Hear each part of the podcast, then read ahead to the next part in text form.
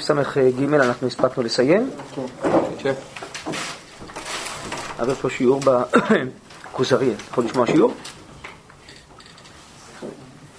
טוב, אם תרצה תתקשר, להתראות. תצטרף לשיעור. טוב.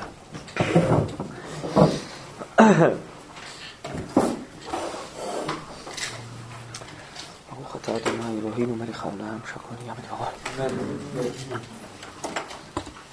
אם כן סיכום, סעיף ס"ג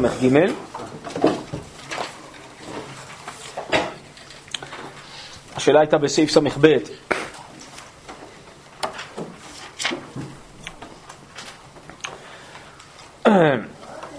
הרי הפילוסופים אה, החליטו שהעולם נצחי וקדמון והם הרי חשבו וחקרו אז אם כן, איך זה יתיישב עם uh,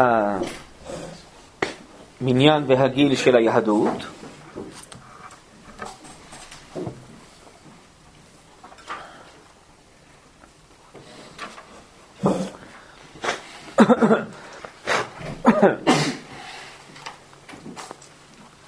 אז זה ענה לו החבר הפילוסופים יש להם חוכמה אנושית, אין להם חוכמה אלוקית, דהיינו תורה מן השמיים. כי החוכמה האלוקית הופיעה על הזרע אדם ושם,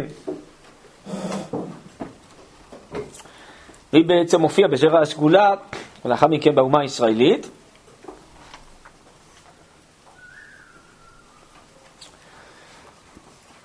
עוד כל ימי הנבואה ורוח הקודש בישראל, בימי בית ראשון, שפע של חוכמה, מתוך כך גם הסנהדרין וחכמים רבים נוספים באומה הישראלית ידעו לא רק בחוכמת התורה, אלא מתוך השפע האלוקי ידעו גם להבין את כל ענייני העולם והטבע והחול. אבל כשגלינו ונחרב בית המקדש, אז החוכמה נעתקה לבבל, פרס, יוון, רומי.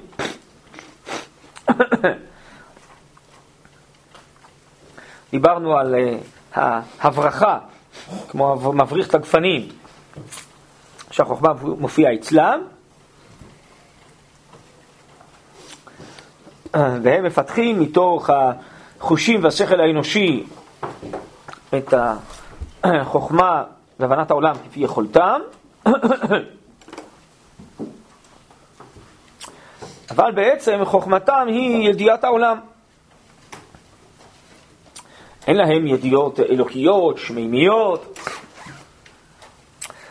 ודאי שהם אינם יכולים לדעת בנושאים כמו אה, מתי ואיך ולמה נברא העולם, שזה נשגב מיכולות החוש והשכל האנושי. והראיה שבעצם היכולות שלהם הן אנושיות,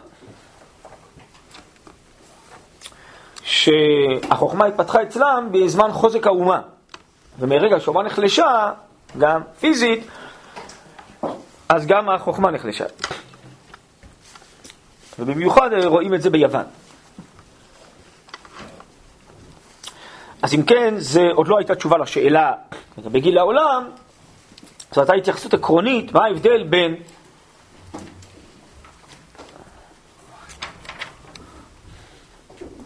תורה מן השמיים לבין חוכמה אנושית.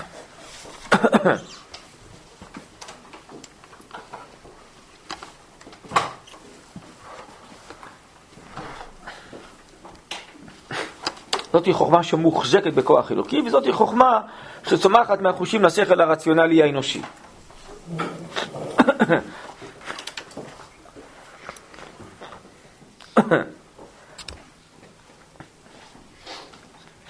וממילא, מה שהוא uh, מתכוון לומר, הוא יסביר את זה בהמשך יותר, יש ידיעות שמעל החיים, מעל מה שנתפס בחושים ובשכל הרציונלי, הפילוסופים לא יכולים לדעת, גם אם הם מתיימרים ומנסים, ובאמת מתאמצים, אבל הם לא יכולים לדעת. ועם ישראל יודע, לא בגלל שהוא התאמץ יותר או יותר חכם מהפילוסופים, אלא הוא קיבל נבואה, ידיעות, שממיות, שאומרות לו בעצם איך נברא העולם. בסדר? אז זה ככה סיכום קצר של סעיף ס"ג. אמר הכוזרי, וכי זה מחייב שלא נאמין לאריסטו בחוכמתו? בסדר, אז הסברת לי שלעם ישראל יש ידיעות מן השמיים ולהם מן הארץ. בסדר, אבל אולי הם הגיעו גם בידיעות מן הארץ אה, למסקנות נכונות בעניין גיל העולם, אז מה בהכרח כל מה שאומרים ביוון זה טעות? הרמב"ם עצמו הרי, נכון, אומר בכמה מקומות שהוא uh, משתמש בדברים uh, נכונים שאמרו uh, חכמי הפילוסופיה. אז לא כל מה שהם אומרים זה לא נכון. כן, אבל איך הרמב"ם יודע לקבוע מה נכון ומה לא נכון? הפרמטר שלו זה התורה. אלא אם כן זו טעות שקשורה להבנת המציאות. שזה גם אפשר לדעת על פי החושים והשכל האנושי, שפה זה טעות. אבל בענייני מחשבה ומושג וכולי, זה, הפרמטר הוא התורה.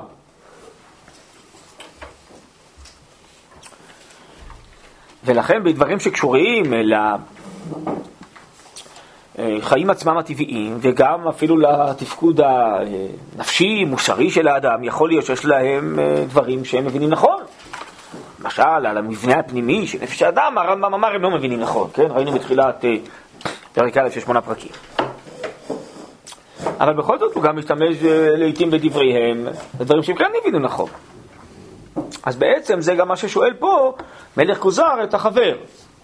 אז בגלל זה שאין לו תורה מן השמיים, זה מחייב שכל מה שהוא הבין בחוש, בשכל הרציונלי, זה לא נכון, הרי אם קיבלנו את זה גם כן, אני יכול להוסיף כמתנה מהשם, ומי שמשמש בהם נכון, אז הוא קולט את המציאות נכון, לא? בשביל זה הם נוצרו. אז החבר יענה לו, כן, בעניינים האלוקיים אי אפשר לדעת אה, על פי היכולות האלה האנושיות, זה רק על פי אה, ידע אלוקי. בואו נקרא את המערכת. חבר כן, לפני שהטריח את שכלו ומחשבתו, בעבור שלא הייתה בידו קבלה ממי שיאמין בהגדתו. כלומר, הוא עצמו ודאי לא זכה לנבואה, וגם לא הייתה לו מסורת שעברה מדור לדור, מאב לבן, וגדתה לבנך. כמו שאנחנו יודעים את חמשת החומשים, ויודעים את כל ההיסטוריה שהשם אה, ברא את העולם, וסדר הדורות וכן הלאה. אז אין לו, לא תורה מן השמיים ולא מסורת לאחר מכן שמעבירה את זה. וחשב בתחילת העולם וסופו.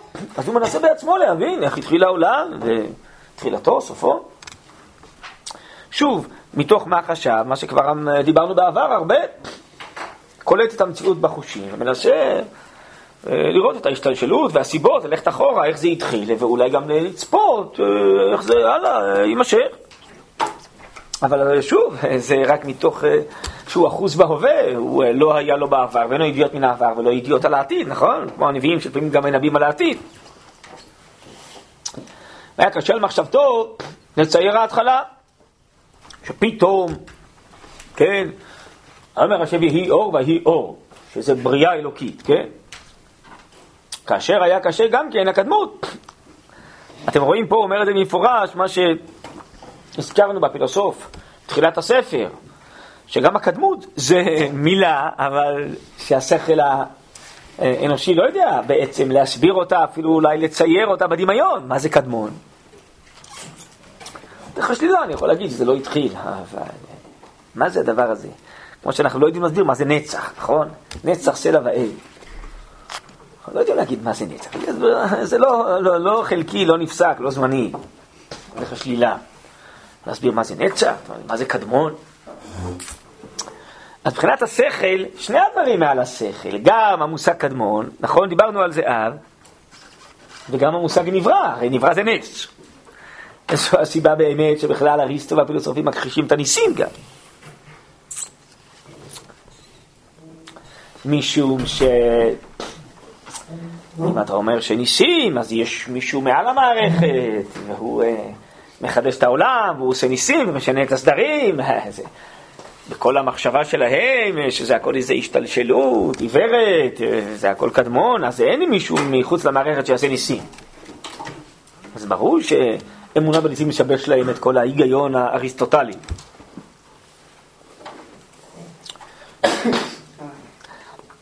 אז ממילא,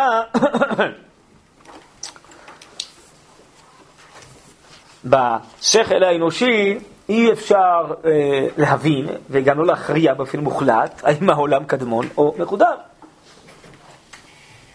ושניהם זה בעצם משהו שהוא מעל השכל.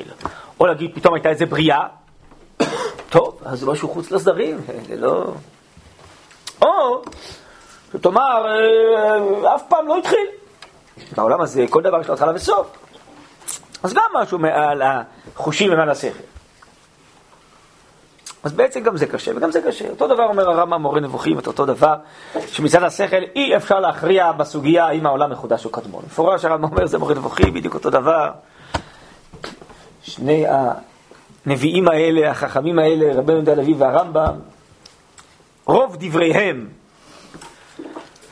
אולי למגינת ליבם של אה, החוקרים ומחברי חומר במחשבת ישראל, רוב, ברוב הנושאים החכמים האלה מסכימים זה לזה. בסדר, אבל פה שיש סגנונות שונים בין הרמב"ם לבין אה, רבי יהודה הלוי, אבל ברוב רוב הנושאים הם מסכימים אחד לשני.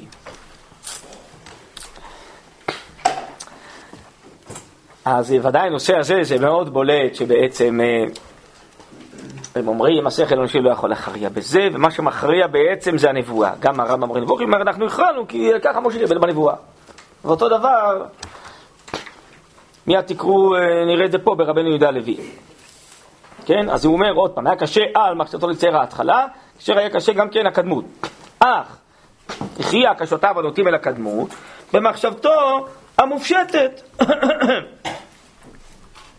מחשבתו המופשטת, דהיינו, אה, ככה נראה לו, זה, מה זה מחשבתו המופשטת? זה בעצם איזה מין השערה כזאת, או מה, כן? אה, בגלל שאין לו בעצם אה, יכולת להכריע בצורה מלאה. ולא רע לשאול על מניין שני מי שהיה לפניו, איך נתייחסו בני אדם. כלומר, הוא ככה רומז, נכון? הוא יכל לשאול איזה מסורות יש בעולם. לשאול האם יש תנ"ך בעולם, לא? ו... אבל הוא לא גדל על זה, והוא רצה להכריע את הכל בשכלו, ודמיין אולי שהשכל יכול להכריע בכל, אז הוא לא השתמש בידיעות האמיתיות האלה שעברו אז בין בני אדם. כן? יש אה, מקורות על זה בחז"ל, שראשוני הפילוסופים נפגשו עם הנביאים, מסבירים את זה כנראה על ירמיהו ויחזקאל הנביא, שאולי נפגשו עם אה, סוקרטס או אפלטון, ככה משערים עוד שזה פחות או יותר היה אותה תקופה. הם היו לפניו. הוא... אז אה, אם היה מאוד רוצה לשמוע מה יש בעולם ומה אומרים בני ישראל, אז יכל לשמוע. אבל הוא לא רצה, והוא רצה להכריע בשכלו, אז אלה הכריע לפי מה שהכריע, אבל אתה לא יכול להתייחס לזה כמו לאיזה הכרעה אחרת, שאיזה חוקר אה, לוקח אה, תופעות טבע וחוקר אותם על ידי תצפיות, בדיקות במעבדה, ומגיע למסקנות, זה מה שנקרא מדע אמפירי, מדע שאפשר לבדוק אותו, לאשש אותו, את מסקנותיו. פה זה, הוא יכול להגיד מה שהוא רוצה, מי אמר שהוא צודק? אז בגלל שהוא אריסטו, בדברים שהוא מסוגל להכריע, הוא גם אריסטו בדברים שהוא לא מסוגל להכריע, שם הוא לא אריסטו. שם הוא אה, כמו כל אדם, שהוא אה, מכריע בצורה מסוימת, אבל אה, הוא לא יכול בעצם להכריע בצורה מוחלטת, זה מעבר ליכולותיו, זה מעבר ליכולת האנושית.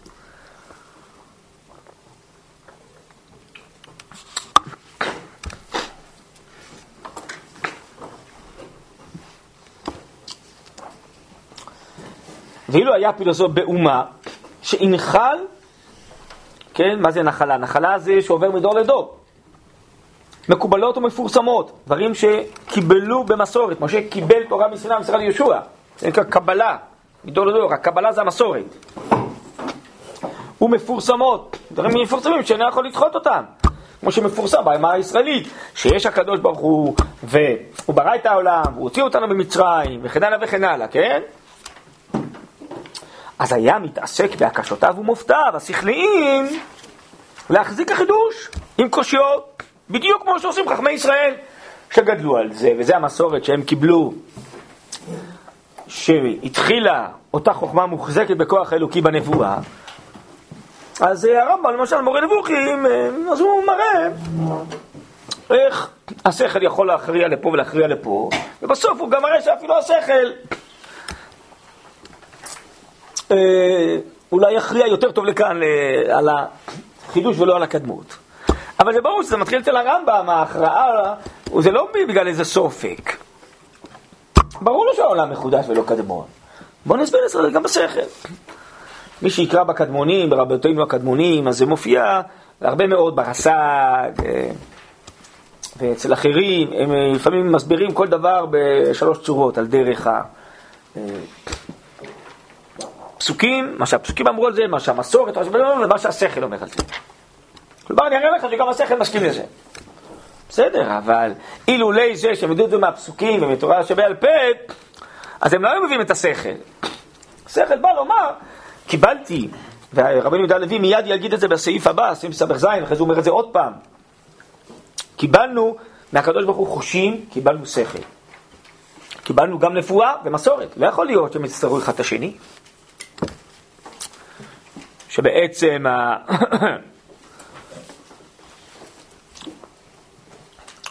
נבואה שקיבלנו מן השמיים, שהעולם אה, מחודש, יסתור את השכל, שהשכל חייב להכריע שהעולם קדמון. זה לא יכול להיות. השם בכוונה נתן לנו כל מיני כלים שיעמידו אותנו בקונפליקט, בסתירה מובנית. לא יכול להיות. מיד הוא אמר את זה בסעיף ס"ז, תכף אה, בלי נדר תראו את זה. מה שעושים אבותינו הקדמונים, אומרים, תראו, כל מיני דברים, אה, המסורת אומרת, התורה אומרת, אבל גם השכל שלי הגיוני מבין את זה. כי השכל קיבלנו כאחד הכלים להבין את העולם, ללמוד את התורה, אה, ללמוד את האמונה, נכון? אז זה מה שהוא אומר, שאם היה פילוסוף בן אומה, אז הוא היה עושה כמו רבותינו הקדמונים, היה מתעסק בהקשותיו ומופתיו, להחזיק החידוש עם קושיו, כאשר החזיק הקדמות, אשר הוא יותר קשה לקבל. הנה מפורש כמו הרמב"ם מורה נבוכים. שאם כבר אתה בא להכריע בשכל, כן, בדעת נוטה, מה שנקרא, מה שנקרא בראשונים, שאי אפשר להכריע לגמרי, זה נקרא דעת נוטה, אז כבר הדעת נוטה לכיוון של החידוש ולא לכיוון של הקדמות. אבל אי אפשר להכריע בשכל, אפשר להגיד את האמת, זה כמו שתשאל אותי, ביום ערפל, האם אפשר להכריע לפי הראייה מה עומד שם מעבר לערפל? אי אפשר להכריע, רואים משהו, איזה תזוזה של איזה גופים. אתה יכול להכריע בדיוק מה זה? לא יכול להכריע. נו, אז מה יש? מה לא יכול להיות? האם אני יכול להכריע על פי השכל, האם קיימת יבשת אמריקה לפני שגילו אותה או לא קיימת? לא יכול להכריע, כי לא גילו אותה, ואף אחד לא ראה אותה, ואני לא יודע אם היא קיימת או לא. אתה יכול להכריע שוודאי אין יבשת אמריקה, כי לא ראיתי, לא, לא ראינו עניין הראייה, נכון? אתה יכול להכריע שהיא ודאי קיימת? לא, אבל להכריע, קולומבוס גילה את אמריקה, נכון? הוא לא ברא את אמריקה, נכון? הוא רק גילה אותה, היא הייתה לפניו. נכון? בסדר, אז, אז החושים לא יכולים להכריע בדברים מעבר ליכולות החושים. אז למה השכל הוא כזה אלוהי כזה? הוא יכול להכריע גם בדברים שמעבר ליכולותיו. יש היום גם כן דמיון כזה על השכל. שכל הוא באמת הכוח הכי מרכזי והכי חשוב שבאדם. זה בסדר גמור. אבל גם לו לא יש מגבלות היכולת. הוא לא הקדוש ברוך הוא השכל שלנו. קיבלנו אותו מהקדוש ברוך הוא, הוא עצמו נברא של השם. יש דברים שהוא לא יכול להכיל, לא יכול להקיף, מה לא יכול להיות. טוב, אריסטו אולי לא חשב ככה, הוא חשב שהשכל יכול להקיף ולהכיל את הכול. כנראה שהוא האמין בזה. טוב, אז זה אמונה. אמונת חכמים, לא? יש לו אמונת חכמים. אמונה לחכמים. לא מה שאנחנו מתכוונים, אמונת חכמים. לחכמים האלה יש אמונה שהשכל יכול להקיף את הכל. נו, מה נעשה? בזה הם לא צודקים, נו, מה אני יכול לעשות? הוא לא יכול להקיף את הכל.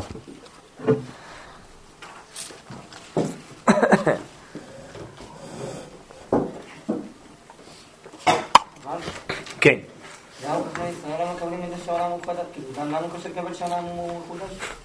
עוד פעם, מי זה לנו? מי זה אנחנו? אנחנו זה האמונה שלנו במסורת, או אנחנו זה השכל שלנו. השכל שלנו לא שונה מבחינה זו מהשכל של הפילוסופים. זה כמו תשאל, האם אנחנו יכולים, אה, היינו יכולים לקבל שיש יבש את אמריקה לפני שגילו או לא? מי זה אנחנו? העיניים שלנו? העיניים שלנו יותר טובות מהעיניים של, של קולומבוס, או שרואים או שלא רואים. שואל, מי זה אנחנו? אנחנו זה השכל שלנו, השכל לא שונה מהשכל של אריסטו. השכל לא יכול להכריע, אז הוא לא יכול להכריע. אז למה אנחנו אומרים? אנחנו אומרים מצד האמונה שלנו, שאנחנו אנשים מאמינים שקיבלנו ידיעות בנבואה ובמסורת. בסדר? לא אנחנו מצד שכלנו, אנחנו מצד המסורת שלנו. לכן אני לכן שאלתי אותך, מי זה אנחנו? גם מצד המסורת שלנו קשה לנו לקבל את זה הרב? למה? למה קשה לקבל מצד המסורת? זה אני לא מבין. הרב אמר שה... מצד השכל אנחנו מדברים, קשה לקבל, מה שכי הכוזרי כתב, רק מצד השכל, על זה הוא דן. שהשכל תקרא בפנים. היה מתעקש בהקשותיו ומופתיו. הקשות ומופתים זה השכל. להחזיק את החידוש עם קושיו, כן? כי השכל קשה לו אה, להבין, לקבל ולהכריע, כאשר החזיק הקדמוש שיותר קשה לקבל. אולי את הנקודה הזאת באמת, אולי לא הסברתי מספיק, ואולי לזה עכשיו אני חושב, אולי על זה אתה שואל. השכל יכול בעצם אה, לקבל את המושג של נס? לא. השכל לא יכול לקבל את הנס. כי השכל בנוי על החושים, והחושים בנויים על הסדר הטבעי של הטבע. אז השכל לא יכול לקבל נס. אז לכן אדם לא מאמין לניסים עד שהוא לא יראה בעיניים, נכון? השכל יכול לקבל שאם תשים מטאטא בגינה, יצא לך משם לימונים? לא. אז השכל לא יכול לקבל שפרח מעטה אהרון ויגמול שקדים וירצה, נכון? זה נגד השכל, כי השכל בנוי על החושים. נכון? זה קשה לשכל לקבל. זה רק אה, שאנחנו מאמינים שפרח מטה אהרון, או שהשמש נעצרה, או השמיים נבקעו, כן? זה לא מצד השכל, זה, לא, זה בעצם לא נכנס בתוך ההיגיון. זה מעל ההיגיון, בסדר. זה נכון. אבל אה, זה מה שאנחנו למדנו מתחילת המאמר, אנחנו בודקים על המציאות שהופיעה. אה, ביצת מצרים והר סיני, וראינו את השם וראינו את ניסה, ומשם התפתחה בנו ההכרה הטבעית, האמונית. זה הכרה, אבל הכרה שבנויה על המציאות שהופיעה. לא מצד ההיגיון השכלי שחייב להיות שיבקעו המים. זה לא, זה לא קשור להיגיון השכלי הפוך. לפי ההיגיון השכלי המים לא אמורים להיבקע, כי השכל בנוי על התוואים שהוא רואה במציאות, על החושים. מים זורמים, מים לא נבקעים ונעמדים כנד נוזלים. מצד השכל, זה נגד השכל. בסדר, נס, כן, הוא נגד השכל, בסדר. אז בריאת העולם זה איזה נס, לא? זה נגד השכל, נכון. למה אנחנו מאמינים בזה? כי ההכרה שלי מבינה שיש דברים מעבר לשכל. השכל גם לא יכול להבין מה זה השם. קודם אני מאמין שיש השם. נכון? אז אם, כיוון שהכרתי שיש דברים מעבר ליכולת השכליות, אז לכן יש לי הכרות שהן קשורות לאס-שכלי מעבר לשכל. אבל בתוך השכל ההגיוני, שבנוי על החושים, זה לא נכנס. כן. הניסים שהיום אנחנו עומדים בגלל המסורת, או בגלל ההכרה השכלית שיש דברים מהנושא? המסורת אה, פיתחה בנו את ההכרה הזאת, שיש כזה דבר, ניסים, לא היינו רואים את זה בעינינו, ולא היינו אה, מקבלים את זה במסורת שיש כזה דבר, אז גם כן לא היינו אה, מאמינים שיש ניסים. נכון? הרי בטבע אין ניסים, אילולא גילוי השם שעושה ניסים. מה זה? כן. איך אבל אריסטו וכל אלה יענקו את כל העניין של הניסים? איך הם הוכיחו את זה? איך אי אפשר להוכיח את זה מתוך שכלי? כן, אז הם לא. כאילו, שאלו אותם, איך אתה מסביר נס? אז איך אמרו, מה אמרו? אולי הם הכחישו את הניסים, יגידו, לא היה. לא, יש דברים עובדות שקורים דברים. כל דבר הם לא אמרו, לא קרה. טוב, אנחנו נסביר, היה גאות ושפל, לא יודע, אנחנו נמצא איזה הסבר. למה זה קרה? זה התפרצות, לא יודע מה. אה, כל דבר אפשר לפענח על פי שכל? ככה הם חשבו, ככה אני, אני מנסה להיות uh, מתורגמן שלהם, אני לא יודע אם אני מתרגם אותם טוב או לא, אבל... Uh, הם יסבירו, אין כזה נס שאיזה כוח עליון עשה נס. קרה משהו, אה, צריכים להסביר למה, למה זה קרה. יש התפרצויות של הרגש, יש ירידות אדמה, קורים דברים, נכון? שאין לנו בדיוק מעקב עליהם, יש סיבות לזה, רק לא תמיד אנחנו יודעים. אז נמצא את הסיבה. צריך לחקור את הסיבה. אבל זה, זה כוח אלוהי, והוא עושה כרצונו, ויש מגמות אלוקיות, מה פתאום? זה קרה. אבל אם הם לא מבינים מה שזה אומרים, השכל שלנו פשוט לא ברמה גבוהה? זה- לא, חס וחלילה. אם יגידו שהתופעה לא ברמה גבוהה. לא שהשכל שלהם לא ברמה גבוהה. התופעה אה, לא מוסברת, צריך למצוא את ההסבר. כן? יש איזה הסבר טבעי. ככה נראה לי, אם אני מנסה להסביר אותם נכון. ככה נראה לי. נראה לי שהם חושבים שהשכל יכול להבין את הכל, והכל תחת שבט השכל, אפילו אה, הבנת הבורא. הרי זה מה שהוא אה, ראינו פה בתחילת המאמר. גם הבורא, הוא יסביר לפי השכל מה זה בורא. כמובן, במונחים שונים שלנו. אבל זה, זה התחלה שהוא יסביר שבעצם השכל שלו אה, ברא אותה, את הבורא הזה, או השכל שלו, כן, הוא החליט שהבורא הזה אמור להיות כזה. אז לא נראה לי שהם חושבים שיש משהו מעל שכלה. ככה נראה לי. טוב. בסדר, הלאה. אה, אמר הכוזרי,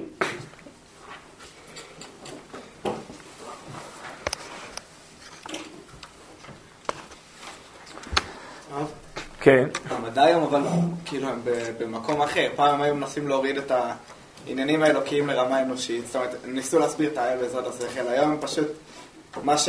מה שלא מצליחים להבין פשוט לא, לא קיים. כן, נכון. זה, זה הידרדרות אבל לא התקדמות, כאילו. כי מצד אחד אתה יכול להגיד ש... זה ריחוק מהמציאות העליונה.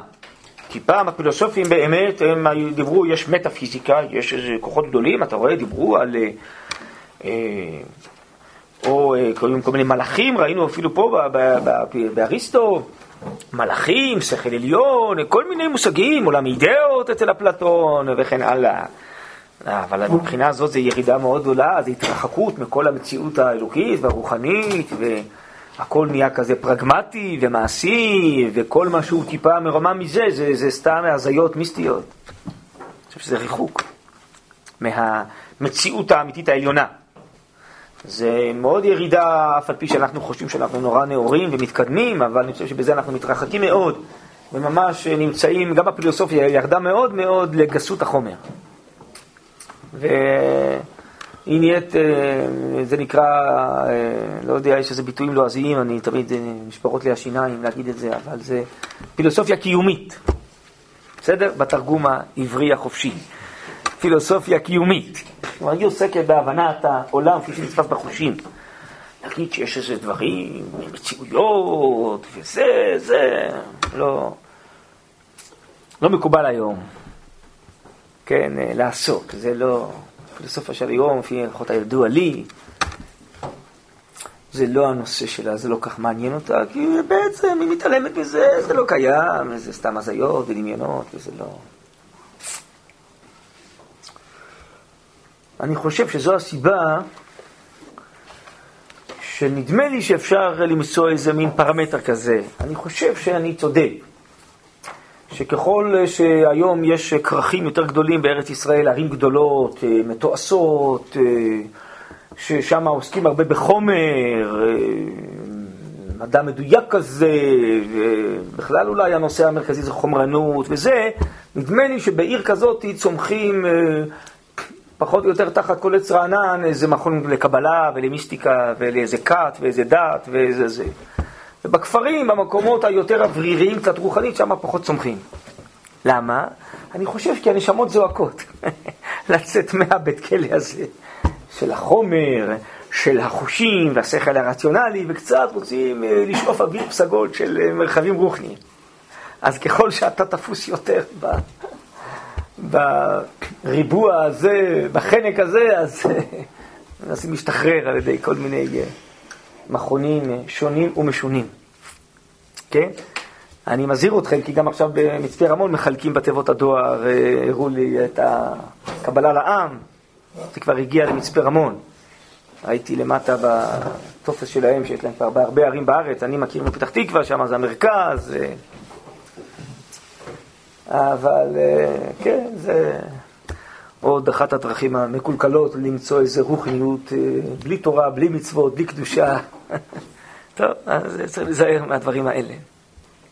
אבל זה רק מראה על הצורך, הצורך הרוחני הפנימי של נשמת ישראל. יש פשוט נשמות אומללות שמחפשות מזון רוחני, אבל להיזהר מ junk food, לא? ככה זה נקרא. אז אה, לצערי, כן, אז פשוט ראיתי שמחלקים את זה עכשיו, הראו לי שמחלקים את זה גם במצפה רמון. חשבתי שזה מקום כזה חשוך אל, חשבתי שפה אה, אין פה עם מי לדבר, עם מי להחזיר בתשובה את היעלים, את הזה, ללמד קבלה אותם, מי... טוב, כנראה שמתייחסים אלינו, כנראה שאנחנו על המפה, מה שנקרא. טוב לדעת, לפחות זה, הרווחנו מהדבר הזה שאנחנו על המפה. טוב. אבל אה, מעבר לזה, צריך זהירות. טוב, אמר הכוזרי, כן. אם ה- אם הפילוסופים האמינו שיש דברים אה, נשגבים ועליונים שמעל המלאכים וכל מיני כאלה, למה הם, כאילו, מה היה הקושי שלהם להגדיר את זה בתור אלוקים? כאילו? איזה אלוקים? אלוקי ישראל אתה מתכוון? כן, משהו כאילו שמנהיג את העולם. כי האלוקים שלהם צומח מתוכם, מתוך האני הפרטי, מתוך הסובייקטיביזם האנושי שלהם. זה לא ענווה ומשה קיבל והכנעה התבטלות בפני הגודל האלוקי, זה כיוון הפוך לגמרי. זה אלוקים שהם המציאו. אז יש עובדי עבודה זרה היו ממציאים אלים, וממציאים כוחות שהם עובדים להם, והם ממציאים מחשבות, אבל זה אותו דבר, צריך לזהירות. עם כל הערכה לפילוסופיה, ונכון שהתנקו מושגי עבודה זרה, והיה להם תפקיד בעולם, אומר הרב קוק, אבל זה אלוקים שהאדם ממציא לעצמו. הוא משתחווה לאלוקים הזה בעצם. אתם מבינים? זה... נכון, המדרשים היו על אברהם אבינו, שעומד בחנות של תרח ומוכר פסלים, ואז מגיעה איזה אישה בת מאה, ומחפשת פסל זקן כמוה. אז הוא מביא לה מהמדף התחתון איזה פסל כזה מקומט כזה, זקן. לפני שהיא יוצאת, הוא שואל אותה, בת כמה את? אז הוא אומר, היא אומרת לו, בת מאה. אז היא אומר לה, היא טיפשה, מה, הפסל הזה, אבא שלי עשה את זה אתמול בתנור. את משתחוות לפסל הזה? אחרי זה מופיע איזה איש כזה, גיבור חזק, הוא רוצה פסל גיבור כמוהו. אז אותו דבר. אז מה, מה כוונת המדרש הזה? המדרש הזה בא לומר בעצם שכל אחד בעצם מתוך העולם הנפשי הפנימי שלו מחפש להזדהות עם מה שהוא חושב שדומה לו, שמתאים לו, שהוא כאילו יחזק אותו, זה, זה אלוה שבא להעצים אותו. כן? אבל זה הכל המצאה של האדם. אז אה, גם מבחינת זו, הפילוסופיה זה בעצם, הפילוסופיה האנושית, השכל ממציא לו את הבורא. ככה גם אה, הסברנו כשהתחלנו את הספר. אז השכל בעצם, אה, במסקנתו, צייר לעצמו את הבורא, לא באמת הוא מתבטא לאיזה בורא. זה הפוך לגמרי מכל האומה הישראלית, מכל היהדות של הענווה, ואתם ממעטים את עצמכם בהתבטלות, כמו שקיבל, זה לקבל נבואה, וזה בדיוק הפוך. לכן זה צריך זהירות, צריך זהירות.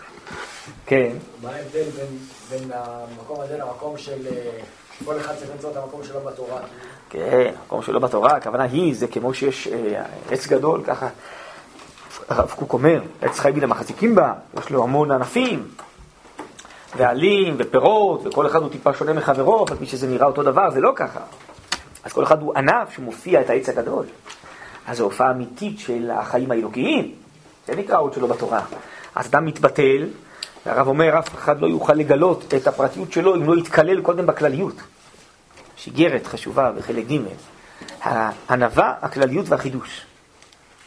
מי שיתבטל לכללות ישראל ולכללות התורה ויתמלא מזה, זה בשפע גדול, אה, הוא יהפך לאיזה צינור כזה שדרכו זה ישפע, אז כיוון שהוא עצמו איזו אישיות מסוימת, אז זה יתגוון כפי האישיות שלו.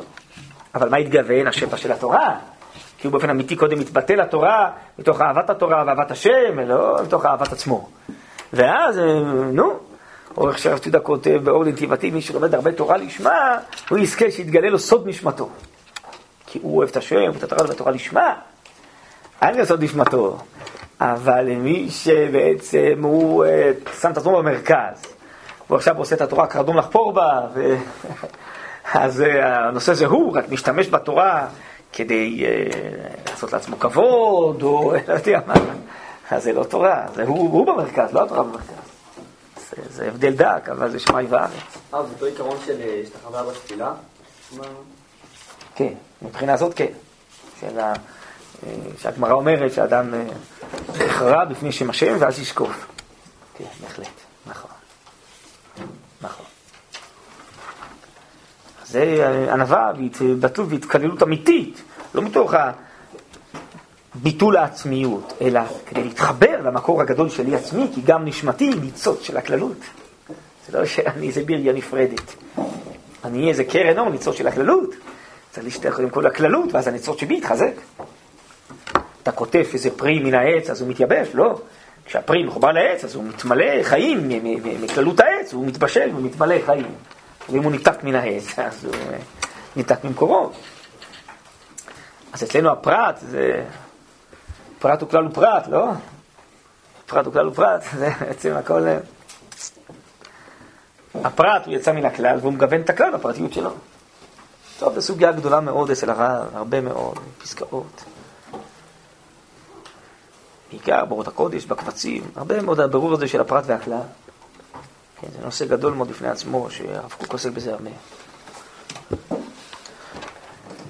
טוב, בואו נחזור לנושא שלנו, אם נתפשט פה יותר מדי, אז אה, אחרי זה יגידו שאנחנו לא מתקדמים פה, שכל הזמן דורכים על המקום. כן. אמר הכוזרי, סעיף ס"ו, וכי יש במופת הכרעה, כלומר,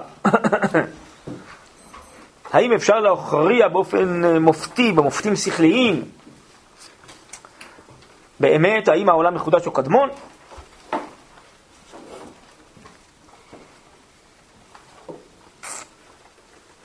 הרי חבר, הוא מאין לנו מופת בשאלה הזאת?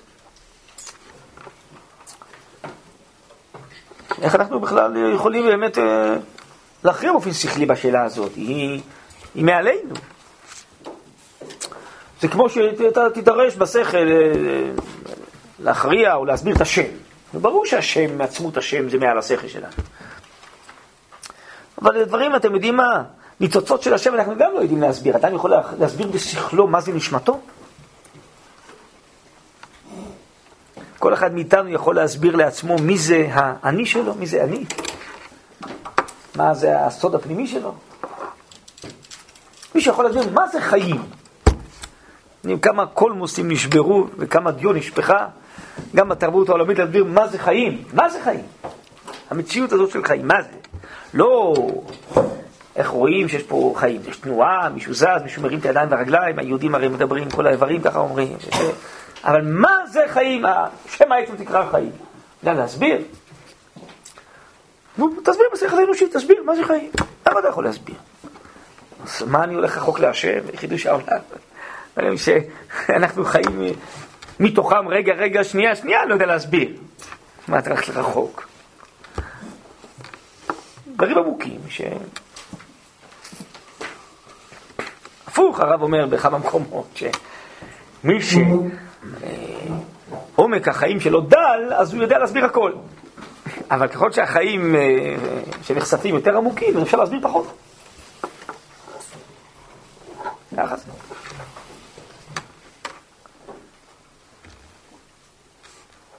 יראת שמיים. מישהו יכול להסביר מה זה יראת שמיים?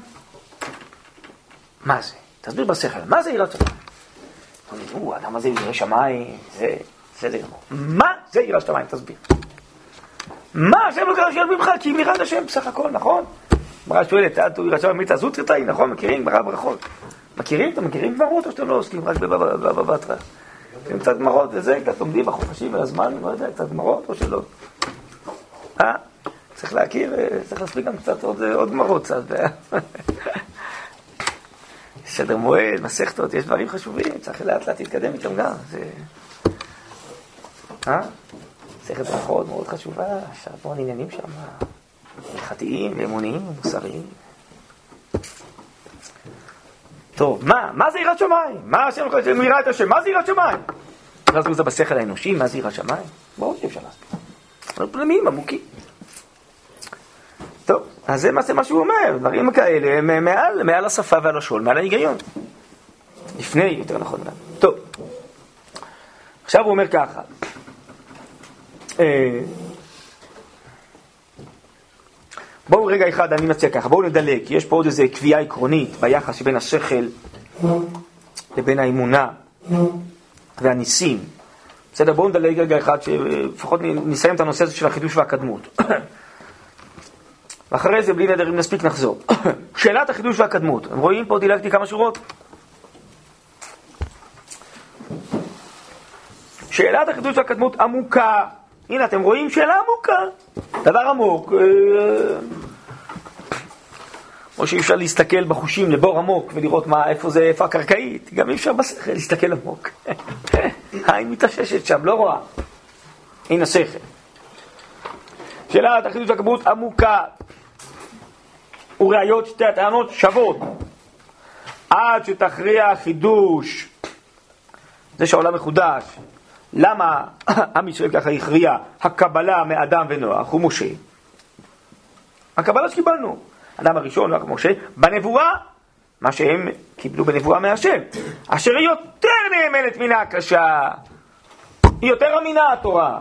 ריבונו של עולם שברא את העולם, התורה שקדמה לעולם, היא מגלה על העולם. וזה יותר אמין מהשכל האנושי שלא יכול להגיע ולהכיל כל דבר. בסדר? אז זה יותר אמין, אז לכן אנחנו הכרענו ככה בגלל הקבלה, לא בגלל השכל שלנו. טוב, עכשיו הוא אומר את הדבר הזה המעניין, נכון? הקראתי לכם את זה פעם כשעסקנו כבר בגיל העולם, נקרא את זה שוב. ואם היה מצטרך בעל תורה, בעל תורה זה היהדות, כן? אנחנו מאמיני תורת משה רבינו. ככה כותב המהר"ל, נכון? אם היה מצטרך בעל תורה להאמין ולהודות בהיולי קדמון, דהיינו שהיה חומר היולי קדמון, כמו שתנו הפילוסופי. אז האם זה סותר את אמונת ישראל שהיה חומר היולי קדמון? שממנו נוצר העולם. ועולמות רבים אפילו עוד יותר מזה, קודם העולם הזה. לא היה בזה פגם באמונתו, זה לא סותר את היהדות, לא סותר את חומש בראשית. כי העולם הזה הוא חדש, כלומר הוא נברא לפני כך וכך שנים כמו שהיהדות אומרת, שהשם ברא אותו, מזמן ידוע, ותחילת האדם, תחילת האנושות, אדם ונוח. והשם, ממה הוא יצר את העולם הזה? הוא יצר אותו מאותו חומר יולי קדמון. והחומר הזה הוא קדמון, כמובן לא קדמון כמו הבורא, כן? אבל, ואז תחזרו למשל הזה שסיפרתי וזה, בנושא של גיל העולם, הקדוש ברוך הוא, אולי מהחומר הזה, הוא כבר ברא כל מיני עולמות, ופרק אותם, פירק להם את הצורה, ובנה אותם מחדש. אותו חומר או חומרים היו קדמונים. לא יכול להיות? הרמב"ן אומר יכול להיות. רבינו הרמב"ן, רבי משה בן נחמן, פירוש של החומש בראשית, אומר, אתם יודעים איך קוראים לחומר היולי קדמון? קוראים לו תוהו בוהו. בסדר, נו, אז מה? אז מה זה סותר? לא סותר. כי אנחנו מדברים על העולם שלנו הנוכחי, יכול להיות שהיו, ככה חז"ל אומרים, ברול למותו מחריבם. והעולם הזה הנוכחי, הקדוש ברוך הוא ברא אותו. יש מאין, מה הכוונה עין? מבחינתנו, בעולם הבריאות שאנחנו מכירים, החומר היולי קדמון זה נקרא עין. מהעין הזה שהעין הזה הוא יש אדיר. הוא ברא את היש הזה שלנו, הקטנצ'יק הזה. כל הבריאה היא בכלל מוגבלת, אבל יש, יש עליון. שמנו השם ברא את עולמו. היש הזה, אולי הוא חבר יהודי קדמון. אולי זה מה שהתכוונה התורה, אולי דברים אחרים, נוספים, פירושים אחרים, בסדר, אבל זה בכלל לא סותר את אמונת ישראל, זה טעות שזה סותר. אבל האם העולם יש לו בורא והוא חידש אותו, או אין לו בורא והוא תמיד היה, זה סותר את היהדות. זה ההבדלה בין אמונת ישראל לבין הפילוסופיה. כי תם הבורא הרי זה מושג מושאל, אז זה תחילת ההשתלשלות והיא גם לא התחילה, תמיד הייתה. ואין בורא מחוץ לעולם, והעולם תמיד היה, ועולמנו הנוכחי שאנחנו מדברים, וזה העדות לא מקבלת. קדמון זה הבורא, זה נכון. אבל העולם, עולמנו הנוכחי, התחיל לפני כך וכך אלפי שנים. האם עולמות אחרים, חומרים אחרים, יכול להיות שכל היה, זה בכלל לא הנושא של התורה, זה לא מעניין אותה, עסקנו בזה כבר הרבה, אני לא רוצה לחזור. אבל בסוף יש נקודה של מחלוקת חריפה. האם עולמנו הנוכחי זה השתלשלות עיוורת שתמיד הייתה, או שהיא נבראה והתחדשה לפני כך וכך שנים, זה הקדוש ברוך הוא. זה שהתגלה במצרים, זה מחלוקת עקרונית. בסדר? לא לטשטש את המחלוקת. אבל דווקא הנושא של חומרי קדמון, לא, זה הנושא המרכזי בכלל של התורה והיהדות, זה לא נושא חשוב מבחינתנו. איך קוראים לאותה מציאות שממנה השם ברא את עולמנו הנוכחי. בסדר עד כאן?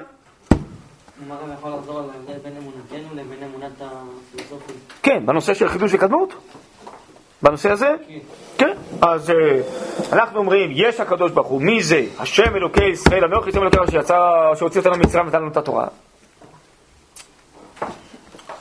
והשם הזה, השם אלוקי ישראל, הוא זה שברא את העולם לפני כך וכך אלפי שנים, פחות מששת אלפים, והראשון שלו היה אדם הראשון. לא, הפילוסופים אומרים, לא, אין כזה השם אלוקי ישראל שמחוץ לעולם שברא את העולם. יש איזו השתלשלות עיוורת, קדמונית, האצלה, שתמיד הייתה, באופן עיוור נוצרו דברים. אז א', אין אלוקים במונחים שלנו, ב', אין רגע של בריאה, של חידוש העולם, שהעולם התחיל, הוא תמיד היה. שני הדברים הם הפוכים מהיהדות, גם שאין בורא במונחים שלנו, וב', אין בריאה. בסדר? אז לא ניתן להאמין לכל השעון שיש יצירות בעולם כאילו שהן לפני- יותר מהמספר של אה, כמה שאנחנו מאמינים עולמנו הנוכחי, עוד פעם. הנוכחי. אז דיברנו על זה שאולי חומרים היו, וזה עצמות בבריאות מעולמות קודמים, הכל יכול להיות, כחומרים, אבל אנחנו מדברים כמה זמן אנחנו מדברים על עולמנו הנוכחי הזה, שהאנושות התחילה והראשון היה האדם הראשון, ושהשם דיבר, ושזה גיל הנבואה וגיל הסגולה, כל מה שדיברנו. ושתמצא איזה עצם שהייתה לפני אה, כך וכך שנים, אולי זה מעולמות קדומים, כל הזמן. זה לא הנושא של תורה, לגבי על גיל החומרים. מדברת על גיל הנבואה, הגיל של מהאדם הראשון שמצורף בתורה ואילך. כן. הרב, אפשר לומר שהיה אה, אדם לפני אה, אדם אה, הראשון שהשם אה, לא נגלה אליו, ואז אנחנו כאילו... לא, התורה לא חושבת ככה. התורה אומרת אבל שמה שמעניין אותה זה רק אה, גילוי השם בעולם, כאילו אבל התורה מספרת שהאדם הראשון היה הראשון. אלא אם כן תגיד. אבל התורה לא כך כותבת, לא בפשט של הכתובים, ותגיד, נכון, אנחנו לא מבינים את הפשט, לא בסוד, אבל גם מסורת ישראל לא, לא מסכימה עם זה. זאת שהתחילה מאז. היא לא חושבת, אפשר היה להגיד הכל, אבל המקורות שלנו, גם שבכתב וגם שבעל פה, לא אומרים את זה, אומרים שהאדם הראשון הוא הראשון. אותו השם ברא וממנו התחיל את העולם.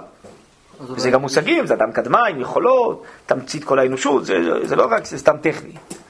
שוב, אפשר היה להגיד הכל, אבל השאלה היא מה האמת. אז אנחנו מקבלים את הכל מתוך מה שנגלה בנבואה, מתוך מסורת ישראל, המסורת לא אומרת את זה. אלא אם כן תסביר שהיה מישהו לפני אלוקים. בראשית ברא את אלוקים, לא? אז היה גם לפני השם. אבל לפי, אנחנו בנויים על המסורת, לפי מסורת ישראל זה לא ככה. כן. לפי זה אפשר להגיד שהעצמות שמצאו מלפני אלפי שנים, אולי זה האדם הראשון. לא הבנתי. העצמות ש... אבל שמה זה ביליון שנים, מיליארד שנים, לא יודע כמה. למה שלא נגיד שזה האדם הראשון? למה ראשון? למה הוא צריך להיות? הוא לפני חמשת אלפים כך וכך שנים, לא? אלא אם כן השם ברא אותו, כמו שהגמרא אומרת, הוא ברא אותו מחומרים ותיקים. נכון? יש כזה אזרח ותיק, לא? ברא אותו מחומרים ותיקים, את אדם הראשון. אז היה נראה שהוא כבר, כמו שהגמרא, חז"ל אומרים שהוא נולד כאדם בן 40. אז אולי גם העצמות שלו נראים כאדם בן מיליון. עכשיו זה כל השערות, דמיונות, עזבו, זה לא... לא מוסיף ולא מוריד שום דבר. זה סתם דמיונות שאנחנו לא יודעים, זה מעבר ליכולות, אפשר לדמיין מה שרוצים. אבל זה לא, לא נראה לי מוסיף הרבה. לא יראת שמיים ולא כפירה. כי זה מעל השכל, אתם מבינים? אז מה... תתעסק בנפלא, במופלא ממך. כן. אבל יש להם לסתור את האבולוציה, כאילו, כמו שאנחנו נגיד... אה, טוב, לא רוצה זה נושא אחר. אה, אם אנחנו אומרים שאין לנו בעיה עם זה, עוד פעם? אם אנחנו אומרים שאין לנו בעיה עם זה, כלומר, זה מתאר איתנו. אין לנו בעיה עם התפתחות, בטח, זה מושג אמיתי, או השתלשלות התפתחות. יש לנו בעיה שקוף נהפך לבן אדם. יש לנו בעיה. או לא יש בעיה, לא לנו. כי אנחנו בן אדם ולא קופים. אמרתי שאפשר להגיד שגם בעל חי זה איזה צמח מהלך, ואדם זה איזה חי משכיל, לא? אפשר להגיד הכל. אז הוא אומר, כן, שאדם הוא זה איזה קוף משכיל. בסדר, אנחנו, כל התורה שבכתב ושבעל פה היא נגד. כן? אז יש לו בעיה שהוא נגד התורה שבכתב ונגד המסורת. יש בעיה, אדם בא, זה בא, מה זה תיאוריה? זה כמו תיאוריה פילוסופית. כן. והוא אה, גם נגד החוש ונגד המציאות, והוא גם נגד כל הנבואה וההיסטוריה של עם ישראל. אז בסדר, זה היה אחד שהמציא תיאוריה, אז מה אני... אז מה אני יכול לעשות? לכן אני צריך לתרץ את עצמי עכשיו בגלל שמישהו המציא איזה טעות, מה אני יכול לעשות? נעבך מסכן, המציא תיאוריה שהיא לא נכונה, בגלל שזה נראה לו שיעקב דומה לאדם. בסדר, אז מה, הוא דומה במבנה, הגופני הוא גם רומז ויש לו צלם אלוקים. יש לו פנימיות נשמתית, מי שלא מחשבן את הנשמה וצלם אלוקים, אז הוא מסתכל מבחוץ. בסדר, גם האדם, החז"ל אומרים, המעיים של החזיר אומרים כמו מעיים של בני אדם. זה גמרא בתענית, תענית אתם לומדים? לא. כתוב בתענית, שאם יש אה, מגפה, נכון? יש מגפה בחזירים, אז בני אדם צריכים להתפלל, כי יש להם את אותם מעיים, זה גמרא בתענית. נו, אז מה, אז לכן אדם נוצר מן החזיר? בסדר, מה, יש לו בעיה שיסתדר עם זה, אז כאילו מציגים את זה כבעיה שלנו, בעיה של היהדות, כי שיסתדר עם עצמו, מה רוצים איתנו? כן. אם אה, נגיד אה, מחר מוכיחים שיש, חד משמעית שיש אה, אבולוציה, אין, כולם מסכימים על זה. זה כמו שתיים ועוד שתיים. תגיד, אם יוכיחו שאין עולם ואנחנו לא חיים, מה תעשה? יוכיחו בוודאות שאנחנו לא חיים בכלל. לא, רגע, רגע, מה אתה, תענה לי אתה, יהודי עונה בשאלה על יהודי לשאלה. מה מה תעשה אז? תגיד שאני עכשיו לא מדבר איתך או כן מדבר איתך. יוכיחו לך באותות מופתים שאנחנו לא, העולם לא קיים. מה תעשה? אני מדבר איתך עכשיו או לא? כן, נכון. רגע, לא, אני שואל, אז תענה לי. אם יוכיחו ששנינו לא קיימים, בכל זאת אתה תגיד, אנחנו אומרים אחד למה שלי, מה תעשה? אי אפשר. אה, יפה, אז ענית לעצמך. כן, מה? יישר כוח, שאלה הבאה. שאלה הבאה. כן, זה מה שרציתי לענות לך, נו. הבנת מעצמך הכי טוב. טוב, נו. אני מדבר בסודות, אני מדבר בסודות. אני אזכיר את הסודות, זה לפני פורים עכשיו, זה הכל בסודות. נו, רבו ישראל, בואו בואו נמשיך פה, אנחנו צריכים לסיים, חבל אה, ש... תנו לי רק את השורות האלה, בסדר? ננסה לסיים בזריזות, נראה אם נצליח. חלילה לאל, בסדר? עכשיו יש פה קביעה עקרונית. חלילה לאל. מה זה חלילה? זה חילול השם. שתבוא התורה במה שידחה ראייה או מופת. כלומר, התורה תגיד משהו שהוא נגד השכל או נגד החושים. כי החושים הבריאים קיבלנו מהשם, השכל קיבלנו מהשם. ומה, יש סתירה מובנית בין התורה לבין השכל, התורה לבין החושים? מה פתאום? זה לא יכול להיות. לא יכול להיות או שלא ראינו טוב בחושים, או שלא הבנו טוב את התורה. בדיוק כמו שעשינו בנושא של גיל העולם, שאדם עושה סתירה בין המדענים ובין התורה, ועסקנו שבכלל אלה עוסקים בגיל החומר, אלה עוסקים בגיל הנבואה, אז נושא אחר לגמרי, יש פה איזה בעיה של איזה טעות משהו, צריך להבין מה הטעות. אך תבוא, מה שהתורה כן עוסקת, בנפלאות, ושנות המנהגים לבריאת דברים. התורה מאמינה שיש ניסים, כן? שאפשר להפוך מטה לנחש, להפוך, להפוך את המים לדם, כן? שמי שברא את הטבע גם יכול לשנות אותו, נכון? אך תבוא בנפלאות ושנות המנהגים לבריאת דברים או להפוך דבר לדבר אחר, להורות למה השם עושה ניסים בעולם, למה הוא עשה ניסים ביציאת מצרים, כך כותב הרמב"ן, כך כותב הכוזרי, ועוד ועוד ועוד. למשל, להורות על חוכמת בורא העולם ויכולתו לעשות מה שחפץ, בין שיחפוץ. כלומר, אנחנו חשבנו שהטבע הוא בעל הבית המושל, הבלעדי, וזה רוטינה עיוורת, מימות, העולם הקדמון, ככה חשבו הפילוסופים. לכן אין ניסים, נכון? אז הקדוש ברוך הוא הוציא את עם ישראל ממצרים ועשה ניסים, ואז הוא גילה שהטבע פועל, זה אמת, אבל הוא פועל ברצונו של השם. ואם הוא ירצה אחרת, הטבע ישתנה. ואז בעצם מתגלה שיש משהו מעל הטבע, שהוא מפעיל את הטבע. אז בזה התורה מאמינה. אם תגיד שהתורה כותבת דברים שהם נגד החוש, התורה אומרת אין עולם, ובחוש אני רואה את העולם, זה לא יכול להיות. אבל אם תאמר, התורה אומרת שהעולם הזה יכול להשתנות, יכולים להיות בו ניסים, כן, הנה, וראינו את זה ביציאת מצרים, מתן תורה, ובכלל בהמשך התגובות ההיסטוריות. נכון, זה התורה מאמינה. למה? כי מי שברא את הטבע זה הקדוש ברוך הוא, וברצונו הוא משנה את הטבע ועושה ניסים.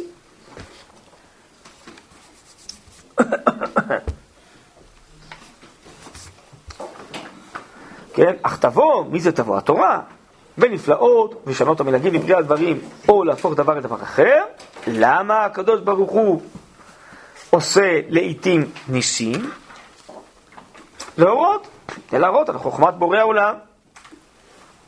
שבעצם גם כל הבריאה זו הופעת חוכמתו של הבורא, זה לא עיוור, זה לא נעשה מאליו, זה לא השתשלות קדמונית, זה בריאה אלוקית שהוא חידש את העולם. הוא החליט שסדרי הטבע זה הכי טוב כרגיל. אבל יש לו גם יכולת לעשות מה שחפץ ושיחפוץ. אז כשהוא חפץ שהטבע יימשך, אז הוא נמשך. כשהוא חפץ שהטבע ישתנה, הוא משתנה. כי גם הטבע וגם הנס זה גילוי רצונו. ועכשיו הוא חושב, עכשיו רצונו לשנות את הטבע בשביל להוציא את ישראל למצרים, או בשביל איזה הצלת צדיק, או קבוצת חסידים, או לא משנה מה. אז, לכן, ביחס לדיון שהיה כאן קודם,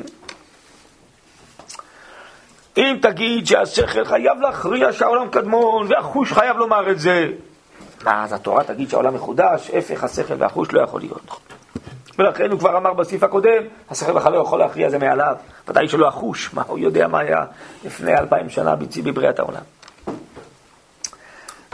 אבל התורה מגלה בסדר גמור, והתורה גילתה והיא נאמנת יותר מהחוש ומהשכל הרציונלי.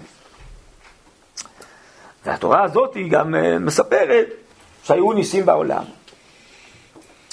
כן, החנמי, התורה בעצם מגלה דברים שהם מעל השכל, השכל לא יכול לקבל את זה שיש ניסים ויש שינוי הטבע, כי הוא בנוי עצמו על החושים על הטבע. אבל התורה יכולה להגיד, כן, יש דברים מעבר. כמו שיש אלוקים מעבר, כמו שיש חידוש העולם מעבר, גם החידוש העולם אמרנו זה נס, נכון? גם אחרי שהעולם כבר נברא ויש סדרים, גם הם עלולים להשתנות. כי יש בורא לעולם שלפעמים מתערב בשביל לשנות הסדרים. אבל להגיד שבאופן קבוע, לא באופן קבוע, אולי זו לא המילה נכונה, לומר שהחוש והשכל הרציונלי חייב להכריע באיזו סוגיה ככה, והתורה הפוך, זה לא יכול להיות, זה חילול השם. לא יכול להיות. אז זה נקודת המוצא. לא יכול להגיד ככה או לא יכול לא, לא שזה יהיה ככה?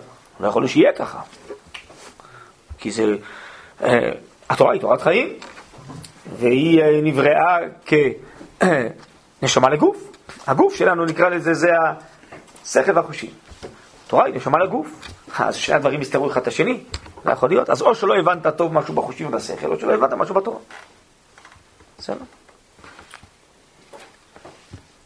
מתי זה כאילו יהיה ברור שהבנתי נכון בחושים, כאילו? כשזה יתאים לתורה. לא אלא אם כן הוא גם לא הבנת בתורה טוב, גם צריך לראות, לא כל אחד מבין בתורה טוב. זה יכול להיות שהחושים טועים. נכון. הם יוכיחו משהו לא נכון. נכון. החושים לא מוכיחים, חושים זה חושים, השכל אולי מוכיח, והשכל יכול לטעות, אבל לפעמים גם יש גם טעויות בהבנת התורה. גם יכול להיות. כמו למשל מי שחשב שהתורה התכוונה לגיל החומרים. אז הוא חושב שתירה, התורה אמרה שהחומרים קיימים כך וכך, והמדעים אמרו שהחומרים קיימים בזמן אחר. מי אמר שהתורה דיברה להגיע לחומרים בכלל? לא הבנת נכון את התורה בכלל. בסדר? אז גם בתורה יכולה להיות טעויות.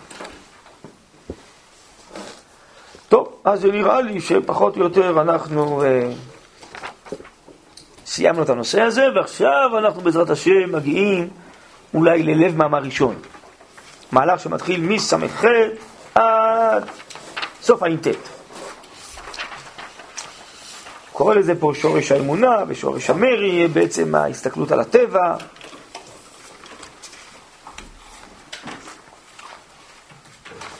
שזו קביעה מאוד חשובה מרכזית על גבי כל מה שהוא הסביר אה, עד היום, מתוך האמונה, איך אנחנו מסתכלים על העולם והחיים והטבע.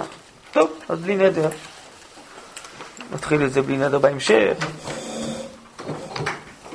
עכשיו קצת, אה, יש עוד עניינים נכנסים, לא, פורים, פסח וזה, אז לא יודע בדיוק עוד מה... נחשוב איך נעשה.